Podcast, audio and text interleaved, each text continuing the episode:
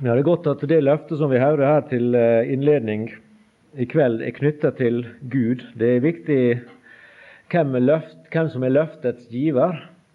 Det, hvis vi tenker rent sånn eh, praktisk på det i, i, eh, i vår tid Mange plasser i verden så, så lever mennesker i den ytterste materielle nød.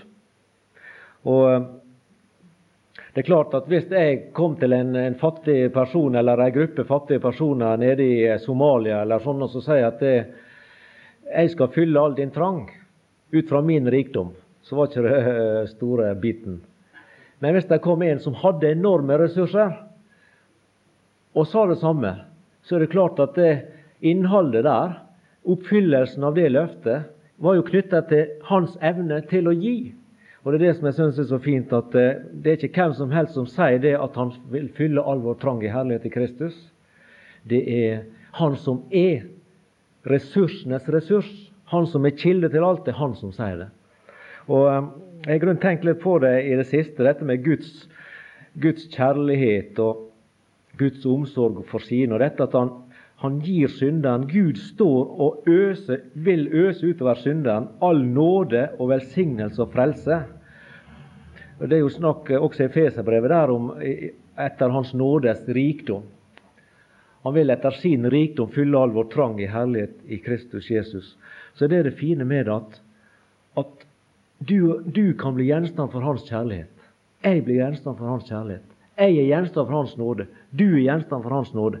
Og etter at Han har øst all nødvendig nåde og kjærlighet og omsorg og barmhjertighet på oss for å få oss hjem, så er Gud like rik som han var før han begynte.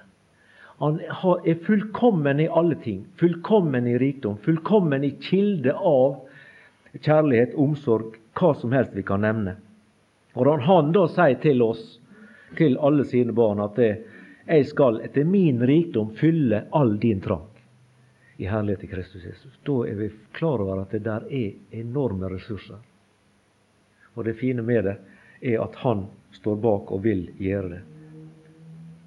Vi skal eh, gå litt videre. Nå, Jeg tenkte på det eh, i stad når jeg slutta av, at nå eh, er du i grunnen ferd med å, å gjøre den samme tabbe som du av og til bebreider andre for. Nemlig det at det, det, er av og til at du opplever at forkynnere forkynner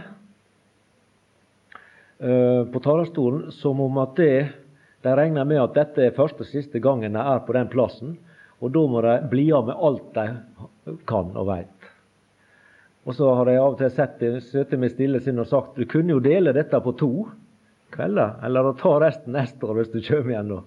Og det kanskje dere tenker akkurat om det samme om meg nå, at nå er, holder jeg på en stiv time hver gang jeg er oppe her sier noe. Så nå jeg, må jeg prøve å dempe meg litt. Så en eller annen får uh, rette opp ei hånd eller noen jeg syns det begynner å, å bære av med tidsbruk. Men i hvert fall så skal vi bare fortsette der. Vi snakker om løftet som var knytta Gud gir til alle mennesker. Og vi nevnte dette her med mennesker blir pga. Kristus Jesus delt i to grupper. Og det er de frelste og de ufrelste. Og De frelste de vil en gang komme for Kristi domstol. De andre vil komme for en annen domstol, som er dommerens domstol, eh, der en blir dømt til evig pine og evig straff. Et annet, et annet løfte som eh, Gud gir om seg sjøl, som jeg syns eh, er veldig, et veldig fint løfte å vite, spesielt for oss som er frelst, og det er at han har sagt om seg sjøl at han vil, vil ikke forandre seg. At han er den uforanderlige. At hans kar karakter blir og forblir som den har vært. Og Jeg har plukka ut tre ord om dette. og Det første står i, i 1. Samuel bok, det 15. kapittel. Og vers 29. 1. Samuel 15, 29. Der står det slik Og Israels trofaste Gud. Og Der kommer jo dette med Gud som den trofaste Gud inn i ordet her. Og Israels trofaste Gud lyver ikke og angrer ikke, for han er ikke et menneske, så han skulle angre. Og det betyr Gud lyver ikke, og Gud angrer ikke. Altså vi mennesker, og vi som er troens folk, vi kan stole på Han. Han fører ikke oss bak lyset. Han sier ikke ting som han ikke vil holde. Men han legger ting, akkurat som han sa til Abraham en gang, skal jeg dølge for min venn Abraham det som jeg har i sinne å gjøre. Så på samme måten er det den nye pakt ved at vi har åndens opplysning i vårt sinn, ved at vi har en hellig ånd som bor ved troa i vårt hjerte. Så vil Han, som vi var inne på i går, opplyse oss. Eller om det var tidligere i dag, det går om for meg. I alle fall så, så står det i Johannes evangeliet at når talsmannen kom med Den hellige ånd, så skulle han opplyse oss, veilede oss til hele sannheten. Han skulle ta av det som var Jesu, Jesus sitt, og gi til oss. I Malakias, profeten Malakias, det tredje kapittel og det sjette vers. Malakias 3, 6.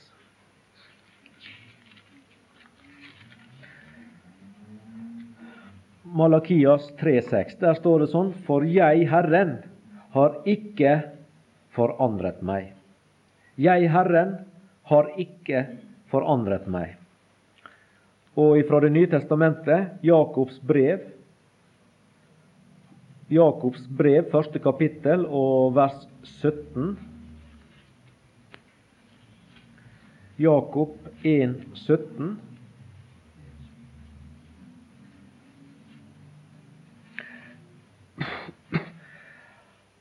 All god gave og all fullkommen gave kommer ovenfra, fra lysenes Fader, hos hvem det ikke er forandring eller skiftende skygge. Gud har ikke forandret seg. Herren har ikke forandret seg. Gud er ikke en Gud som lyver. Gud er sann, og Gud han, slik som ordet her forteller oss, da, han i sitt vesen er den uforanderlige. Med andre ord, han er den som vi til enhver tid kan stole på, som vi kan regne med. Det er mangt som forandrer seg her i verden. Vi forandrer oss. Medmennesker forandrer seg. Og ting skifter. Men hos Gud så står her at eh, det ikke er noe skifte hos hvem det ikke er forandring eller skiftende skygge. Vel veit vi at Gud har handla på forskjellige måter i de ulike husholdninger overfor mennesket. Men hans karakter, den han er i egenskap av den han er, for å si det slik, i hans sinn, hans vesen, så er han den uforanderlige. Og eh, Det siste jeg har notert eh, på dette, det er at det Gud har sagt, det vil han fullføre. Matteus eh, kapittel 5 og vers 18.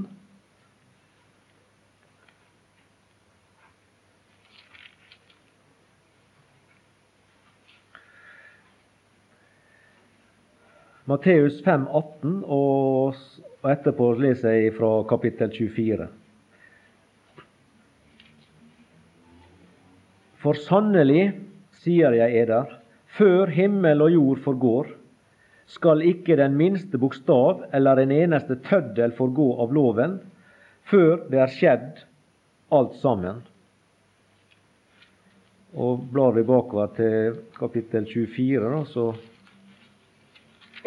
står der i vers 34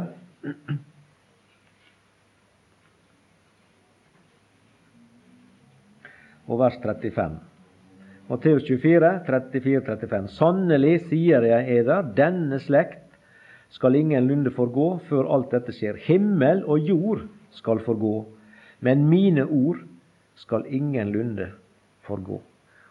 Og dette, det gjelder dette gjelder for alle. Altså Gud, han står bak sitt ord. Himmel og jord skal forgå, men hans ord skal ikke forgå. Hans ord talt til ufrelste, hans ord talt til frelste, hans ord talt til Israel, hans ord talt i Det gamle og Det nye testamentet. Det skal ikke forgå, det han har sagt skal skje. Men det skjer på hans måte. Det skjer i den tid han velger. Så kommer vi til neste punkt, da, og det er hva har Gud lovt alle troende? Nå skal vi lese noen vers i Bibelen som forteller oss om løftet knytta til troens folk. Til hver enkelt Guds barn, som du og jeg som Guds barn kan ta til oss. Og Utgangspunktet det er et ord som vi har lest før eh, i 2. Peters brev, det første kapittel. Ta og Les om igjen de versene der. 2. Eh, Peter 1, vers 3 og 4. Der står det om, om løftene. Der er nevnt, du kjenner uttrykket, de største og dyreste løfter. Og, og de har du og jeg som et Guds barn del i. De største og de dyreste løfter. Og noen av disse løftene skal vi da lese ut ifra ordet etterpå. Ettersom Hans guddommelige makt har gitt oss alt som tjener til liv og gudsfrykt, ved kunnskapen om Ham som kalte oss ved sin egen herlighet og kraft. Her leser vi om den guddommelige makt som handler til fordel for synderen.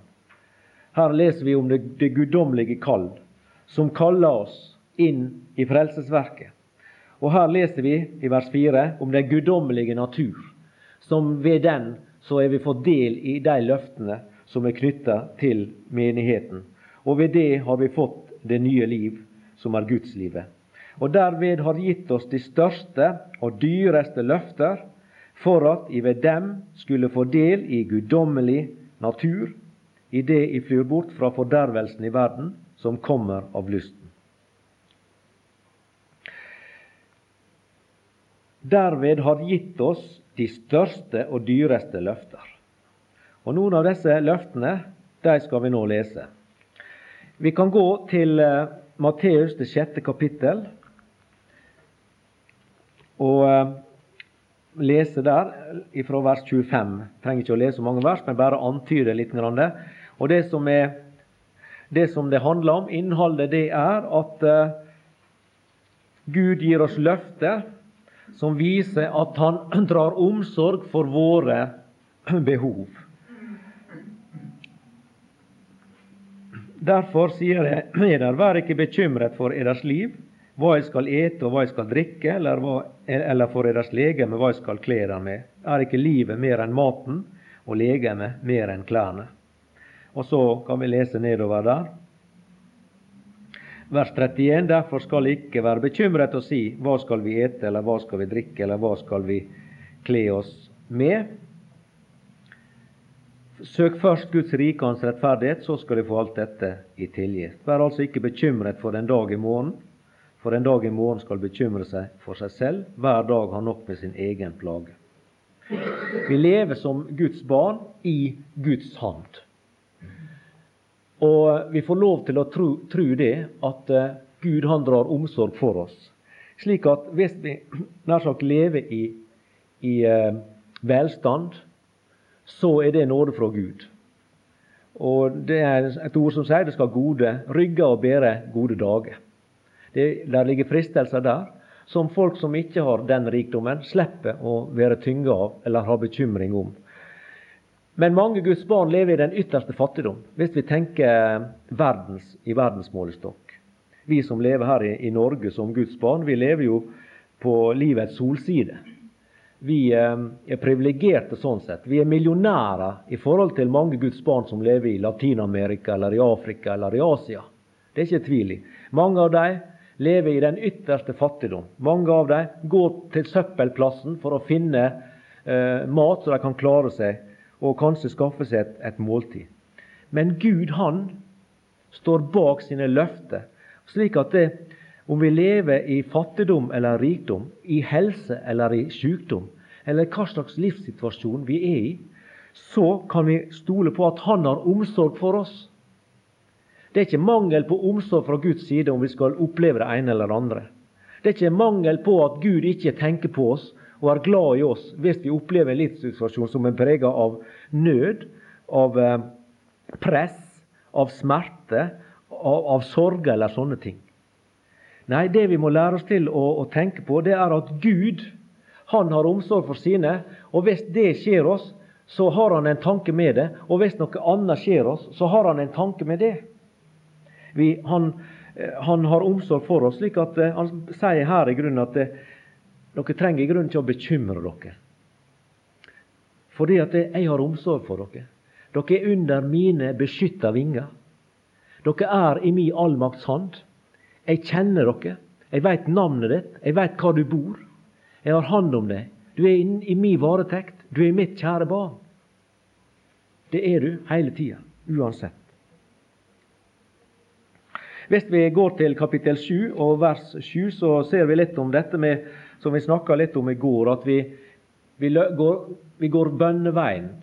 Benytter oss av bønneretten og vender oss til Gud og ber for våre og for oss sjøl og for naboer og andre vi kjenner. Og, og vi ber kanskje også sånn for folk vi ikke kjenner, om at evangeliet skal ha framgang, at mennesker må bli frelst. Og um, der står det litt om dette med bønn. Be, så skal eder gis. Let, så skal jeg finne. Bank på, skal det lukkes opp for eder.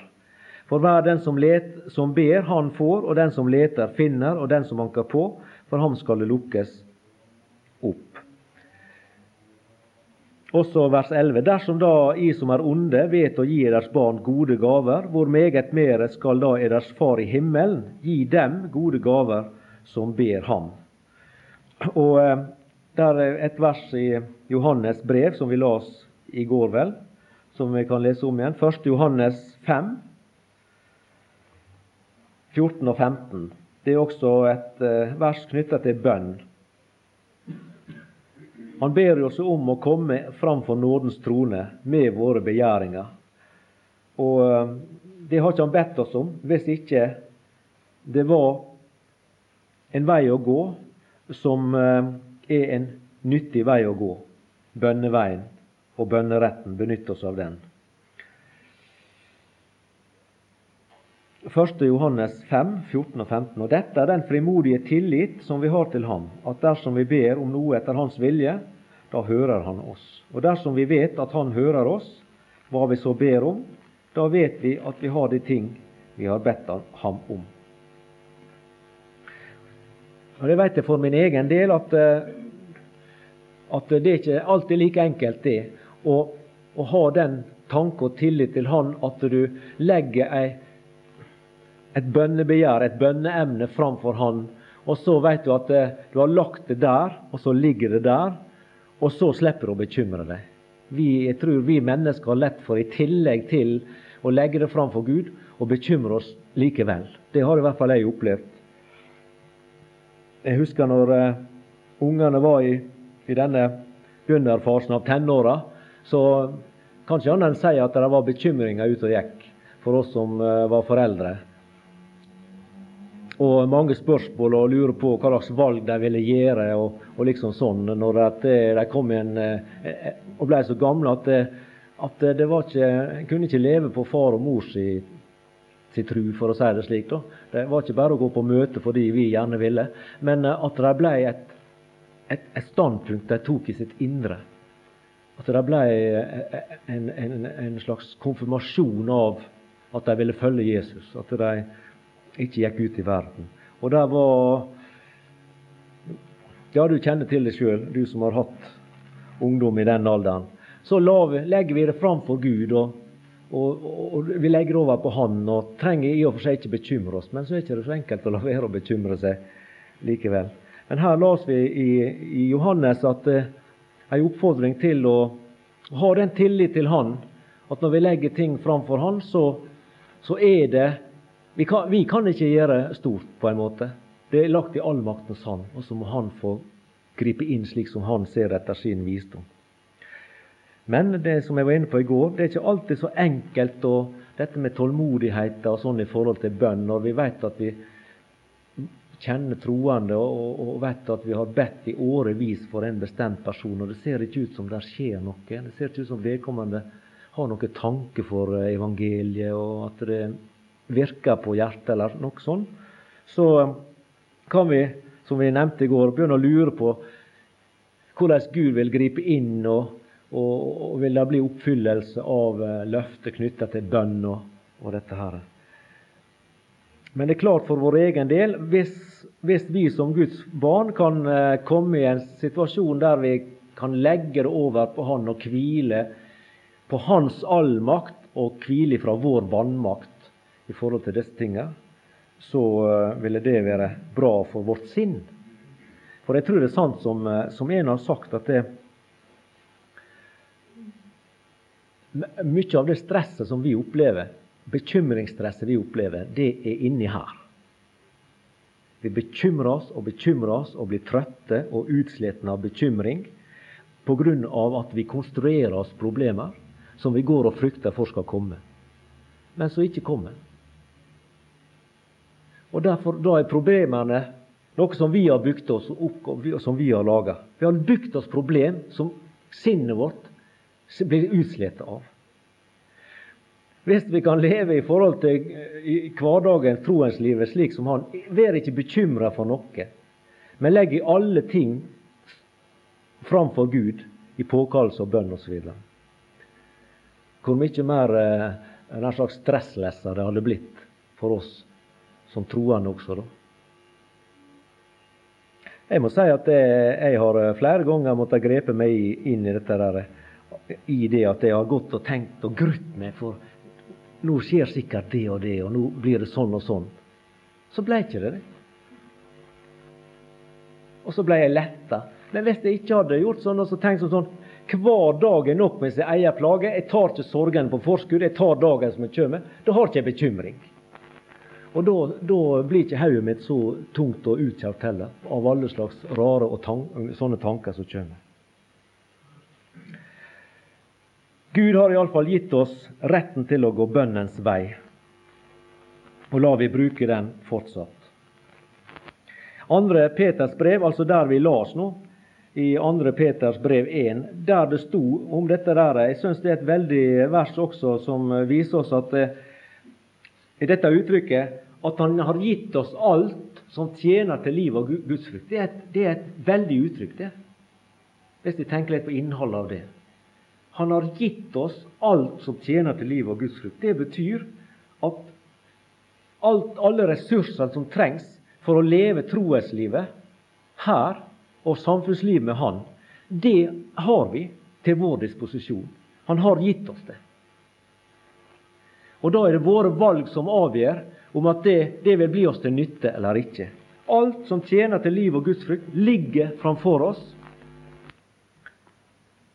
Her må vi si i kilden.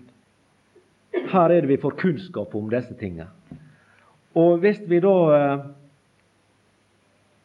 følger opp, slik som vi leser her, og som det står i vers 8. For når disse ting finnes hos dere og får vokse, da viser dere at dere ikke er uvirksomme eller ufruktbare i kunnskapen om vår Herre Jesus Kristus.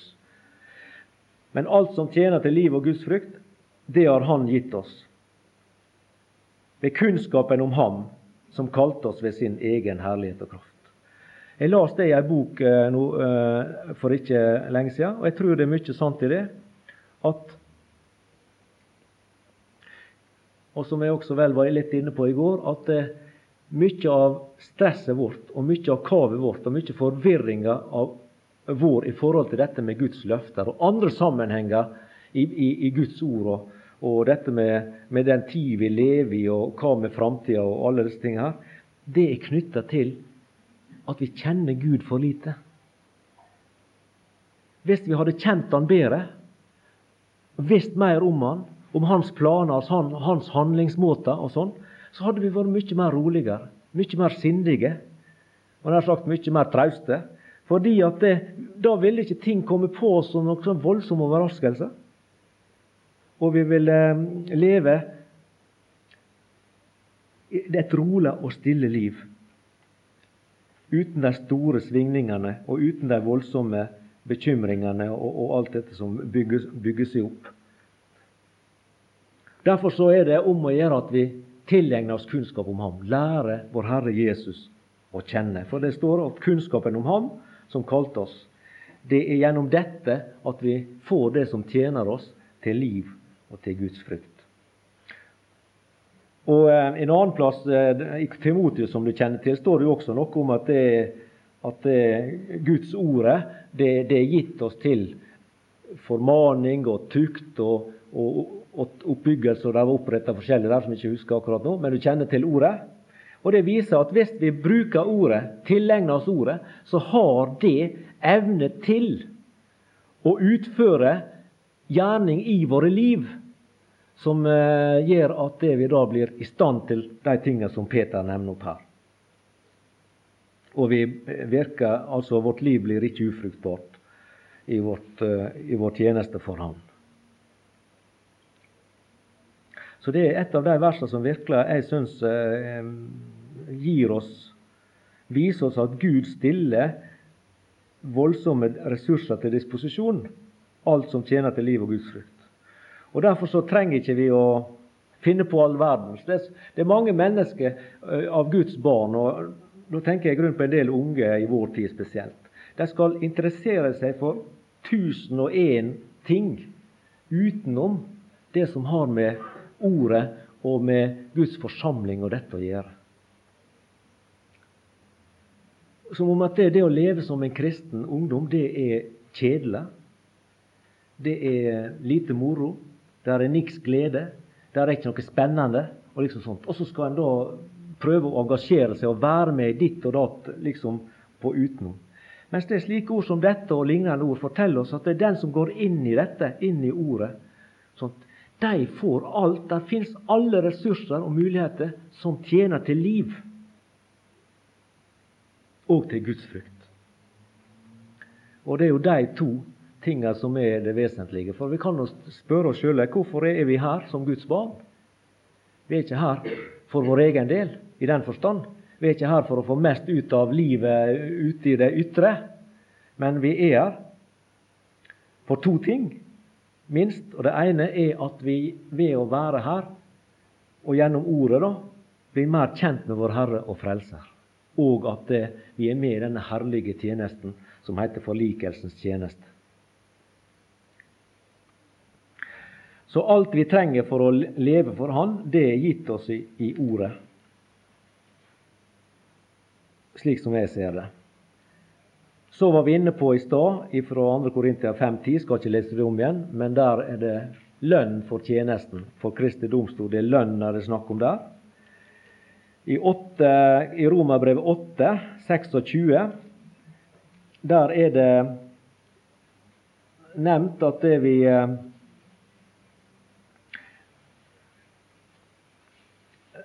Men i like måte, altså det har med bønn å gjøre og dette her, i like måte kjem Ånden vår skrøpelighet til hjelp, for vi vet ikke hva vi skal be om slik som vi trenger det, men Ånden selv går i forbønn for oss med usigelige sukk.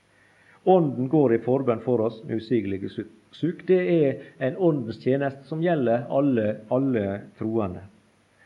Så Gud han har altså gjennom ordet sitt forsikra oss om at han har omsorg for alle sine. Han forsikrer oss om at det og oppfordre oss og oppmuntre oss til å gå bønneveien og benytte oss av bønneretten. Alle troende har ut ifra ordet, på grunnlag av Guds makt, fått alt mulighet til å tilegne oss det som oss trenger for liv og Guds frykt, ved kunnskapen om vår Herre Jesus Kristus. Og Her leser vi at Den hellige ånd går i forbønn for oss med usigelige sukk. Det gjelder oss alle. Det er felles for alle. Johannes 3, 16, vi skal ikke lese det om igjen, men det forteller at alle får evig liv som tar imot Herren Jesus. Det er felles for alle troende, det evige liv. En annen ting som er felles, et løfte som gjelder alle Guds barn, det finner vi i Johannes 14, dette kjente løftet om Faderhuset. Eders hjerte forferdes ikke, tro på Gud og tro på meg. I min fars hus er det mange rom. Var det ikke så, da hadde jeg sagt dere det. For jeg går bort for å berede eder sted. Og når jeg er gått bort og har beredt eder sted, kommer jeg igjen og vil ta eder til meg, for at også I skal være der jeg er. Et himmelhjem, det er gitt til alle Guds barn. I Johannes 10, 29, der eh, finner jeg et vers, et av de vers som Bibelen eh, gir for å vise oss at et Guds barn skal få lov å tru seg trygge og tru seg viss på at eh, Gud vil ta seg av oss. Altså det vi kan kalle for frelsesvisshet og frelsestrygghet. Det finner vi i Johannes 10, 29. Min far som har gitt meg dem, er større enn alle, og ingen kan rive dem ut av min fars hånd. Og Vi vet at Johannes i, i brevet sitt også skriver at, uh, at dette har jeg skrevet til dere for at dere skal vite at dere har evig liv, dere som tror på Herren Jesus. Og Her er et av de ordene som gir oss grunn til å være trygg, nemlig vissheten om at vi er i Faderens og i Sønnens hand, og ingen kan rive oss ut av disse hender. Trygt i den sin hand som er større enn alle. Da er det vel vanskelig å tenke seg at det kan være noen som har større makt enn han som har all makt, og som derfor kan eh, rive oss ut av denne sterke hand. Det gir i hvert fall meg en veldig trygghet på at eh, mitt lille, svake liv, som i seg sjøl er uten styrke, uten uh, evne, uten noe som helst slags mulighet til å gjøre noe til eller fra, er med andre ord fortapt i min falne natur, så er det bare ved å tro på den allmektige Guds vilje og evne til å ta seg av meg som et Guds barn, jeg kan tro at jeg vil nå himmelen.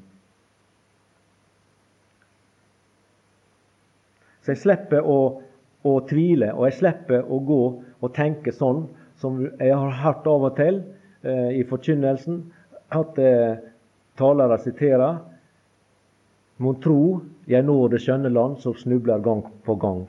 Det, eh, det står jo i et sangvers. Men eh, med den innstillinga så kan jeg høre, i hvert fall hvis du bare tar orda Jeg vet ikke intensjonen og hva han mente som dikter, nå, men hvis du bare tar orda som de står, så får du et inntrykk av at det, er jeg som snubler gang på gang. Altså med andre ord at det, det avhenger av at jeg ikke snubler. Til mindre jeg snubler, til større sjanse er det for at jeg kommer hjem og når det skjønne land. Men det er jo helt feil. Det er ikke derfor vi når det skjønne land. For hvis det skulle stå på hvor lite vi snubler, så ville ingen nå det skjønne land. Så Derfor så slipper jeg å komme med dette 'mon tro jeg når' av meg. Men jeg kan si 'jeg når det skjønne land av Han'. For Han har frelst meg, Han vil bevare meg, Han vil ta seg av meg i gode og i vonde dager. Han vil gå ved min side og lede min gang. Han blir ikke trøtt, han som jeg. Det får jeg lov å hvile meg i. Og Derfor så får jeg hvile i Hans allmakt. Og dermed får jeg også hvile ifra mi vannmakt og ifra meg sjøl. Og slippe å streve og kave og slite og tenke at nå var jeg kanskje litt heldig, nå lykkes det bra, der var jeg mislykka, åssen står det til i dag? Jeg slipper å gå og stresse på dette. her. Jeg får heller tro det som Efeseren sier, at vi allerede er satt med ham i himmelen i Kristus, og en gang så skal vi komme dit også i vår egen person, i vår herliggjorte legen.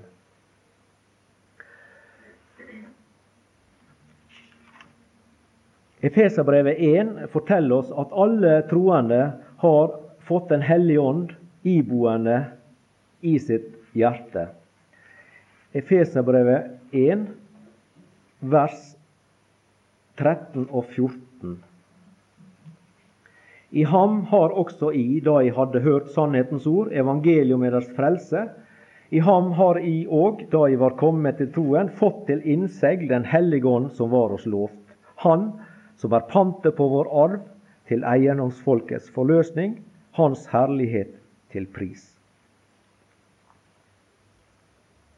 Og Jeg syns det er så fint med dette her. Jeg skal ikke si noe om det, for eh, da går blir tida mi for kort, som det heter.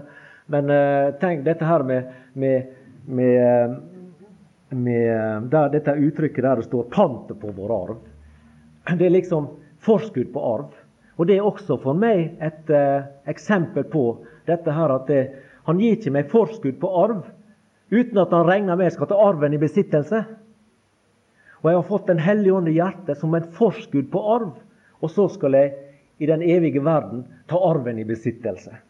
Så i og med at vi har fått Den hellige ånd som pant i våre hjerter, så er det også et visshetstegn på at han skal føre oss helt fram.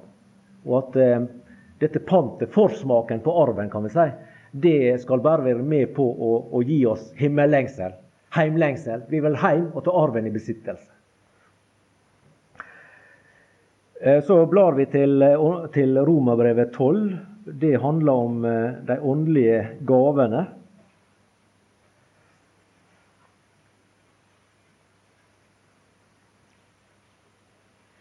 Vers 3 der i kapittel 12. For ved den nåde som er meg gitt, sier jeg til enhver iblant eder at han ikke skal tenke høyere enn han bør tenke, men tenke så at han tenker sindig, alt dette som Gud har tilmålt enhver av hans mål av tro. For like som vi har har mange lemmer på ett legeme, men ikke alle lemmene har samme gjerning. Således er vi mange ett legeme i Kristus, men hver for seg er vi hverandres lemmer. Og da vi har ulike nådegaver, alt etter den nåde som er oss gitt, så la oss, om vi har profetisk gave, bruke den ettersom vi har tro til, eller om vi har en tjeneste, ta vare på tjenesten, eller om en er lærer på lærdommen. Eller om en skal formane på formaningen. Den som utdeler, gjør det med ærlig hu. Den som har forstand av det med iver. Den som gjør barmhjertighet, gjøre det med glede. Og Tilsvarende i 1. Korinterbrev 12 skal ikke si noe om det. Men i hvert fall så er det noe som gjelder alle Guds barn, at vi, idet vi blir frelst, så blir vi et lem på Kristi legeme. Og lem, de ulike lem har ulike tjenester. Og disse gavene, som blir kalt her da for åndelige gaver, det er gaver som er gitt til alle lemmene.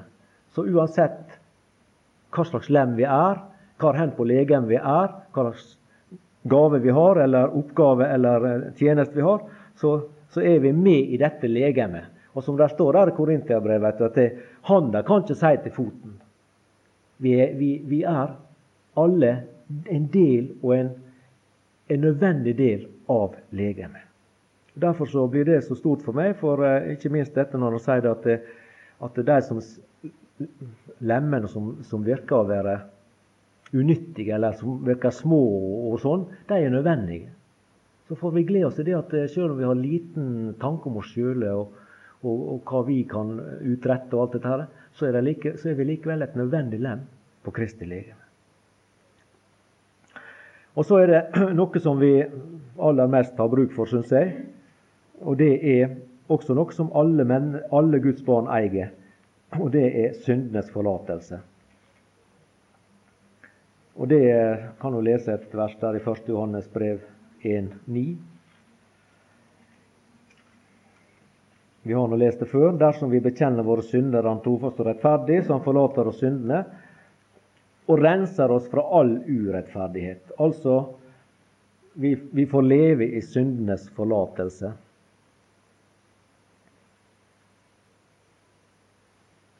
Og fordi vi eier syndenes forlatelse, og vi lever i et samfunnsliv med Gud, så kan vi oppleve fred i hjertet. Skal vi se Filippenserbrevet kapittel 4 vers 7.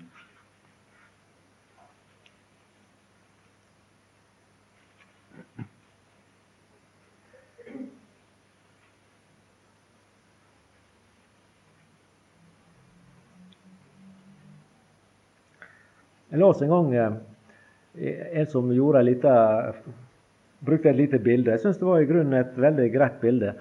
Det var i en krigssituasjon mellom to land. Så, eh, så, hadde, så var det folk ute i bushen eller ute i sånn og kriga. Også på det politiske planet, over hodet på disse her, så eh, ble det avgjort fred. Det ble fred. Stifta fred. Men det visste ikke en del av disse folka. Slik var det under andre verdenskrig. Det kjenner vi til nå i ettertid. Folk har fortalt. Og så styrte de på og for inn i disse jungelområdene og gjemte seg for fienden. De gjemte seg og, og speida og, og, styrte på. Og kriga. Trodde de kriga. Og var med i en krig som var slutt for lenge siden. Så for dem så var det jo fred. Men de eide ikke freden. Men så kom de i en situasjon der at eh, de kom over grensa der, og så kom de i kontakt med noen folk, og så sier kommer de trøtte og slitne og skitne og fæle med, med gevær og greier, og utsvoltne, og snart ble døden der. Så spør de hva, hva, hva dere holdt på med. Nei, vi, vi er med i krigen. Ja, men krigen er jo slutt, den. Er krigen slutt? Av med geværet. Og av med alt sammen. Det er jo fred. Og så la jeg meg få med et bad og noe mat og, og liksom sånt. Da hadde de fred, ikke sant? Men det hadde jo vært fred lenge. Og Der er Bibelen også snakka om ulike typer fred. Fred med Gud og Guds fred. Gud gjorde fred ved hans korsets blod. Det skjedde et fredspakt på Golgata. Men folk må få greie på det. Og så lenge de ikke har greie på det, så lever de i krig, i ufred. Men når en synder får vite at det, det har skjedd en fredspakt Slutt å krig. Gi deg. Da kommer freden. Og Guds fred, som overgår all forstand, skal bevare eders hjerter og eders tanker i Kristus Jesus. Det blir som en slags følbar fred fordi vi har kunnskap om den fredsslutning som skjedde på det høyere plan en gang der for 2000 år siden. Når det går opp i våre hjerter, så brer det seg en følbar fred i vårt liv. En Guds fred som overgår all forstand. Og som gjør at vi kan være trygge og kan være viss og kan legge våpna ned, for å si det slik. En sinnets fred. Så eh, har jeg notert et vers i 1. Korinterbrevet 10. Og det har med dette med at det mennesker, altså Guds barn, kan komme ut i forskjellige prøvelser og vanskeligheter og, og fristelser og, og sånn, men eh, det står noe der som eh, er vel, vel verdt å, å eh, minne hverandre på.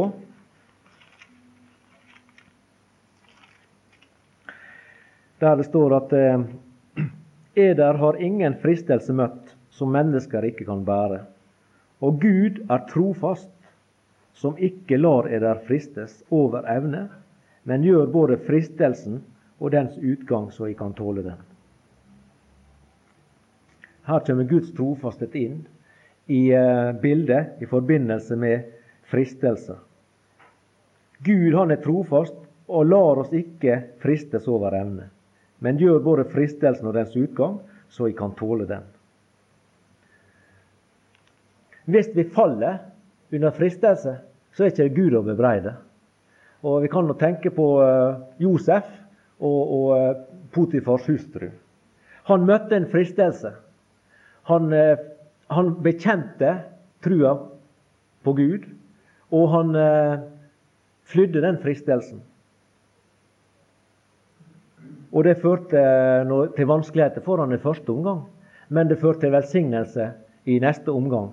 Og slik er det med oss også. Jeg tenker på Det bør ikke om å være sånne fristelser, men jeg tenker f.eks. For, for ungdom og sånn når en kommer i, i skolesammenheng eller andre sammenheng, og som er eldre også, når vi kommer i ulike miljø, så kan det være en fristelse å, å legge nær sagt kristennavnet igjen hjemme, eller hva du vil si. Altså ikke tone flagg. Det også. Men eh, Gud er trofast. Så når vi kommer i sånne sammenhenger, så, er, så gir han oss muligheter til å vinne seier hvis vi bruker det. Altså f.eks. bekjenner. Så vil kanskje det føre i første omgang til at vi ja, Kanskje de smiler litt og litt sånn, men i neste omgang så fører det til velsignelse. Både for oss og gjerne for dem også. For da blir de gjort oppmerksom på at her er en kristen klassekamerat. Her er en kristen arbeidskamerat.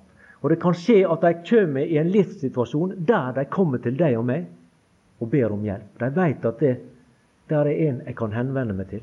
Jeg er i nød for min sjel. Hvem skal jeg snakke med? Er det noen?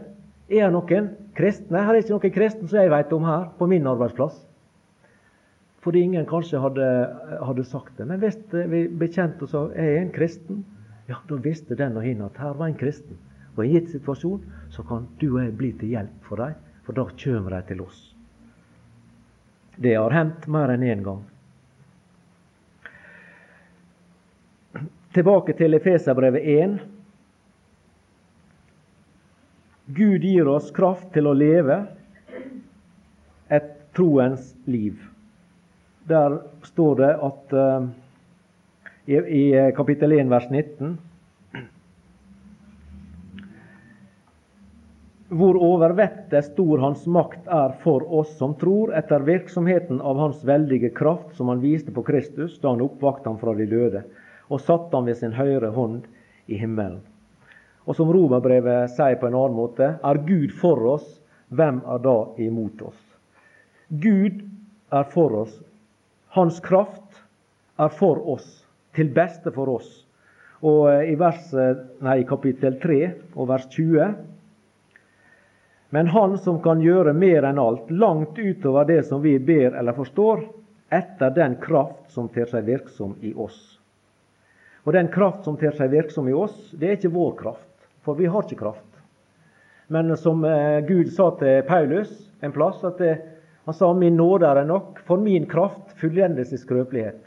Og i erkjennelsen av at vi er skrøpelige, vi er maktesløse og vi er kraftløse, kan Gud få komme til med sin kraft, og at den får virksom, bli virksom i våre liv.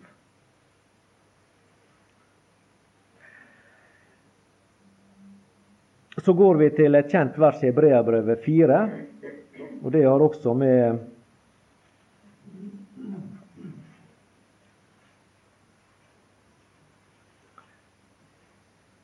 Fire vers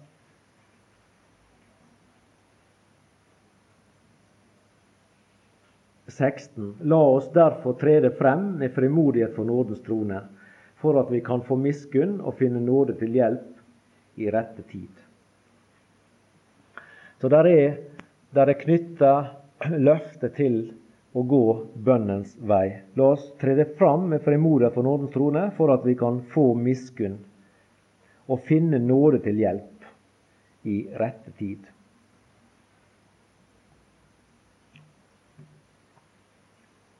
Og jeg ser det slik at eh, dette med å finne nåde til hjelp i rette tid, det er jo Hvis vi vet vi kommer i situasjoner der, der vi kan eh, det kan eh, gå galt for oss, eller vi kan komme på skam, eller vi kan falle, eller vi kommer i en gitt situasjon, at vi da trer fram for nådens trone, legger fram for Gud at nå skal jeg dit og dit. Vi vet at der er mange mennesker som er slik og slik. og og det kan bli situasjoner som eh, kan gjøre, føre til at jeg kanskje tier der jeg skulle tale, og, og, og liksom sånn.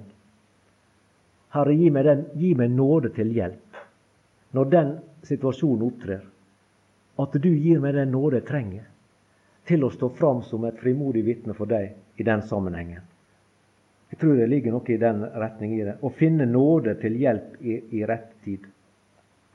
Få miskunn, det slipper vi å søke. Det gir Gud ut. Få miskunn. Vi får det. Men så står det om, om, å finne nåde. Det er ikke helt det samme uttrykket, det er ikke helt det samme tror jeg, innholdet i å få som å finne. Finne nåde til hjelp i rette tid. For Gud han er jo oversikten. Jeg, av og til når jeg var på Yngsteds, sånn, så snakker jeg om hvis det går ei elv og vi er på kanotur og sånn Der er det en sånn som er på kanotur hver lørdag i seks-halv sju-tida, nå. Professor Drøvel. Og han drar inn i villmarka på kanotur. Og, og, vi kan padle sånn. Og vi padler, og vi ser ikke lenger til neste sving. Og, og så kan det være et stryk der, og det kan være Vi kjenner jo til i Stryn, disse der tyskerne som var uheldige. det så jo så stille ut vannet der de holdt på å fiske. ikke sant? Og så fiskere var ivrige med det. Og så for de under brua, så tenkte ikke på at det like nedenfor der så ble det ikke stilt lenger, men det ble stryk. Og vannet fossa og alt dette her. Men så sitter der oppå høgda der så sitter der en person, og han ser hele elva. Ser alle stryk og alle vanskeligheter. Og det er vår himmelske Far. Han sitter og han har oversikten over alle stryk og alle problemer og alle ting som vil møte oss i livet. Og når vi da venner oss til Han, og så spør Han til råd, som kjenner alle ting, Og så ber han at eh, nå, du vet jo Far, du vet hva vil møte meg rundt neste sving. Gi meg den nåde jeg trenger til at det skal gå greit for meg også der, i den svingen, når jeg støter på vanskeligheter.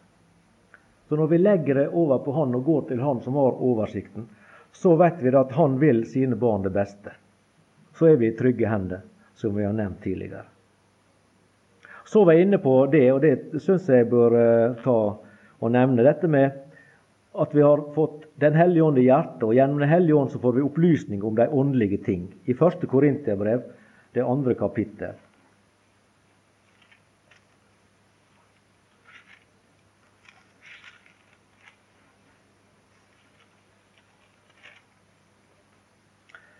Første Korinterbrev, andre kapittel.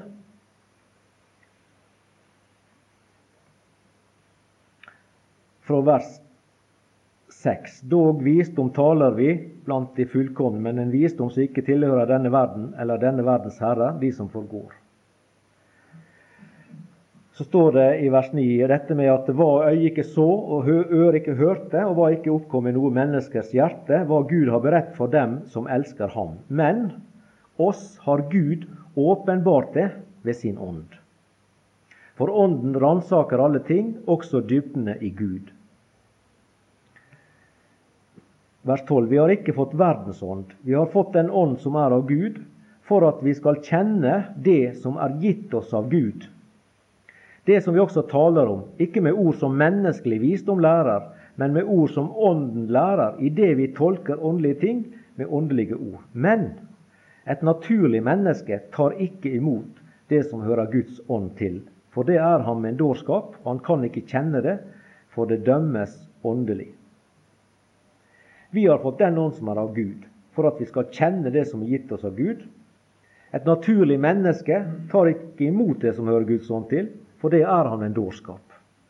Så her har vi, gjennom at vi har fått Den hellige ånd, så gir Gud oss mulighet til åndsopplysning. Den hellige ånd opplyser oss, den tolker åndelige ting med åndelige ord. Og så får vi kjennskap gjennom det til det Gud har gitt oss. Og det er jo ei spennende verden. Det må vi bare si. Og la vi oppmuntre oss alle sammen, oppmuntre hverandre, til å forske i denne verden. Altså forske i den forstand at vi stadig er interessert i å finne ut mer og bli mer kjent med det som er gitt oss av Gud, som det står her. Så eh, er det, er det dette med oppdragelsen, da. Det vil jeg også lese et vers eller to om. Hebreabrevet kapittel 12. Gud som den kjærlige far, som oppdrar sine barn fordi han vil oss det beste, og fordi han har tanker om framtida for oss. Han gir oss oppdragelse, han har oss i skole fordi han liksom vil utdanne oss til eh, en tjeneste i den kommende verden og i eh, den verden da vi som hans eh, brud skal være med og regjere her i denne verden.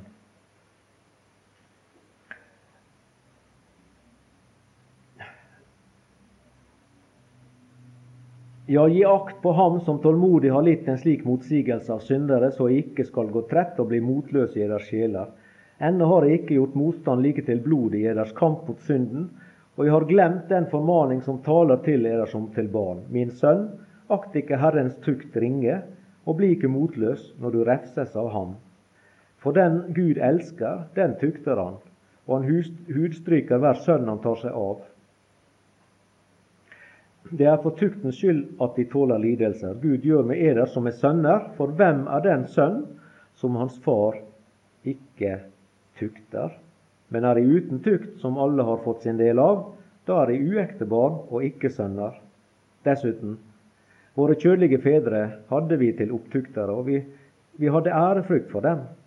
Skal vi da ikke meget mer være lydige mot åndenes Fader, så vi får leve?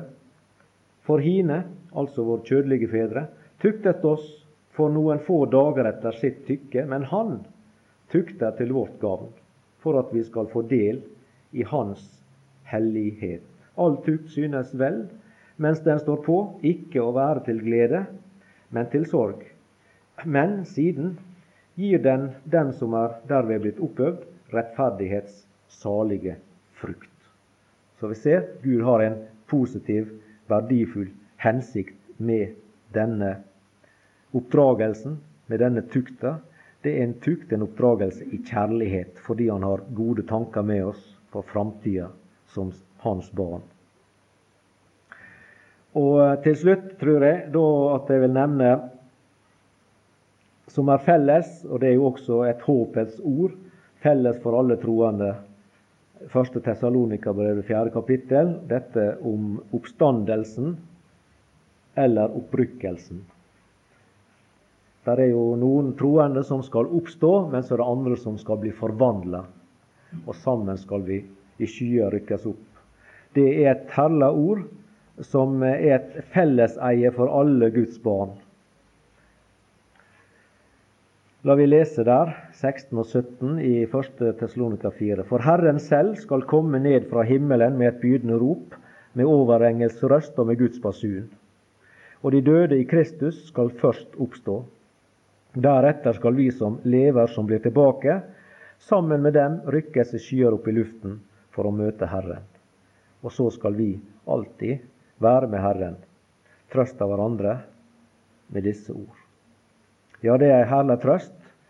Det gir ingen grunn til, til frykt å tenke på den samlinga, den sammen, sammenkomsten.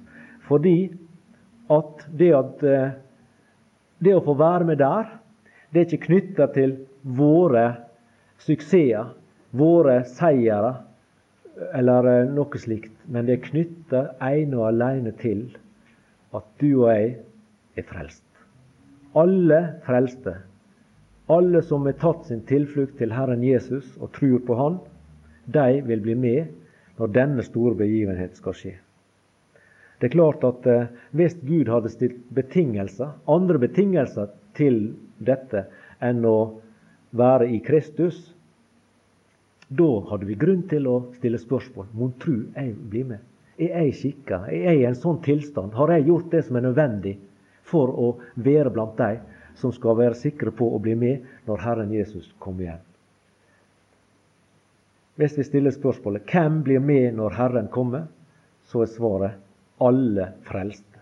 Små og store. Uansett alder, uansett kjønn, uansett hudfarge. Alle troens barn blir med. Noen ligger i sine graver i dag. Noen har til og med ikke fått seg grav. De, de har ikke det. Alle, Han skal finne alle, små og store. Alle skal finnes. De som gikk under krigen, de som har gått andre tider, misjonærer som ligger igjen ute i jungelen, og våre kjære som vi ligger på gravplassen, eller hva det måtte være. Alle skal oppstå. Og vi som lever, altså de av Guds barn som lever da Han kommer, vi skal forvandles. Vi skal få herlighetslegeme. Den gamle natur forsvinner, og vi har bare den nye, guddommelige natur. Og så går vi rett hjem til møte med Han. Da skal vi få se Han så bané, som Johannes sier, og vi skal få pris og ære Han med løs tunge. Da er det ingen syndens bånd som skal binde oss ifra å ære og prise og love Han og takke Han for at Han kjøpte oss til Gud med sitt blod. Ære og pris, Herre, til deg. Takk og lov for at jeg skal få være med i den herlige, frelste skare som skal toge inn i Faderhuset.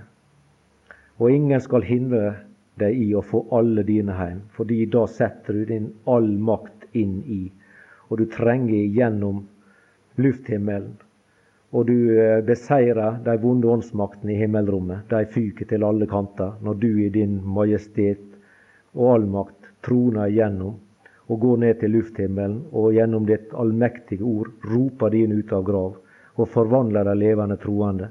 Og så skal vi få møte deg i et herlig stevnemøte. Vi skal få se det som det er. Du er. Bli deg lik og få pris og ære deg til evig tid. Takk for at vi også får lov å ære deg her. Vi har all grunn til det. Jeg takker deg, Herre, for du gjennom ditt frelsesverk og gjennom det du har åpenbart oss i ditt ord, har vist deg som en frelser som stiller våre behov, som er mektig til og har vilje til å fylle all vår trang i herlighet i Kristus Jesus. Herre, hjelp oss å ta disse ressurser i bruk. Lær oss å nytte oss av ordet ditt eh, til å lære deg mer å kjenne.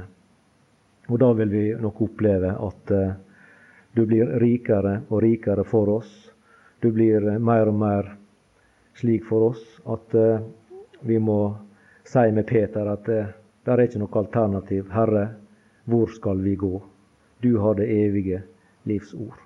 Ta det av oss i fortsettelsen. Velsigne alle heimer som er representerte her.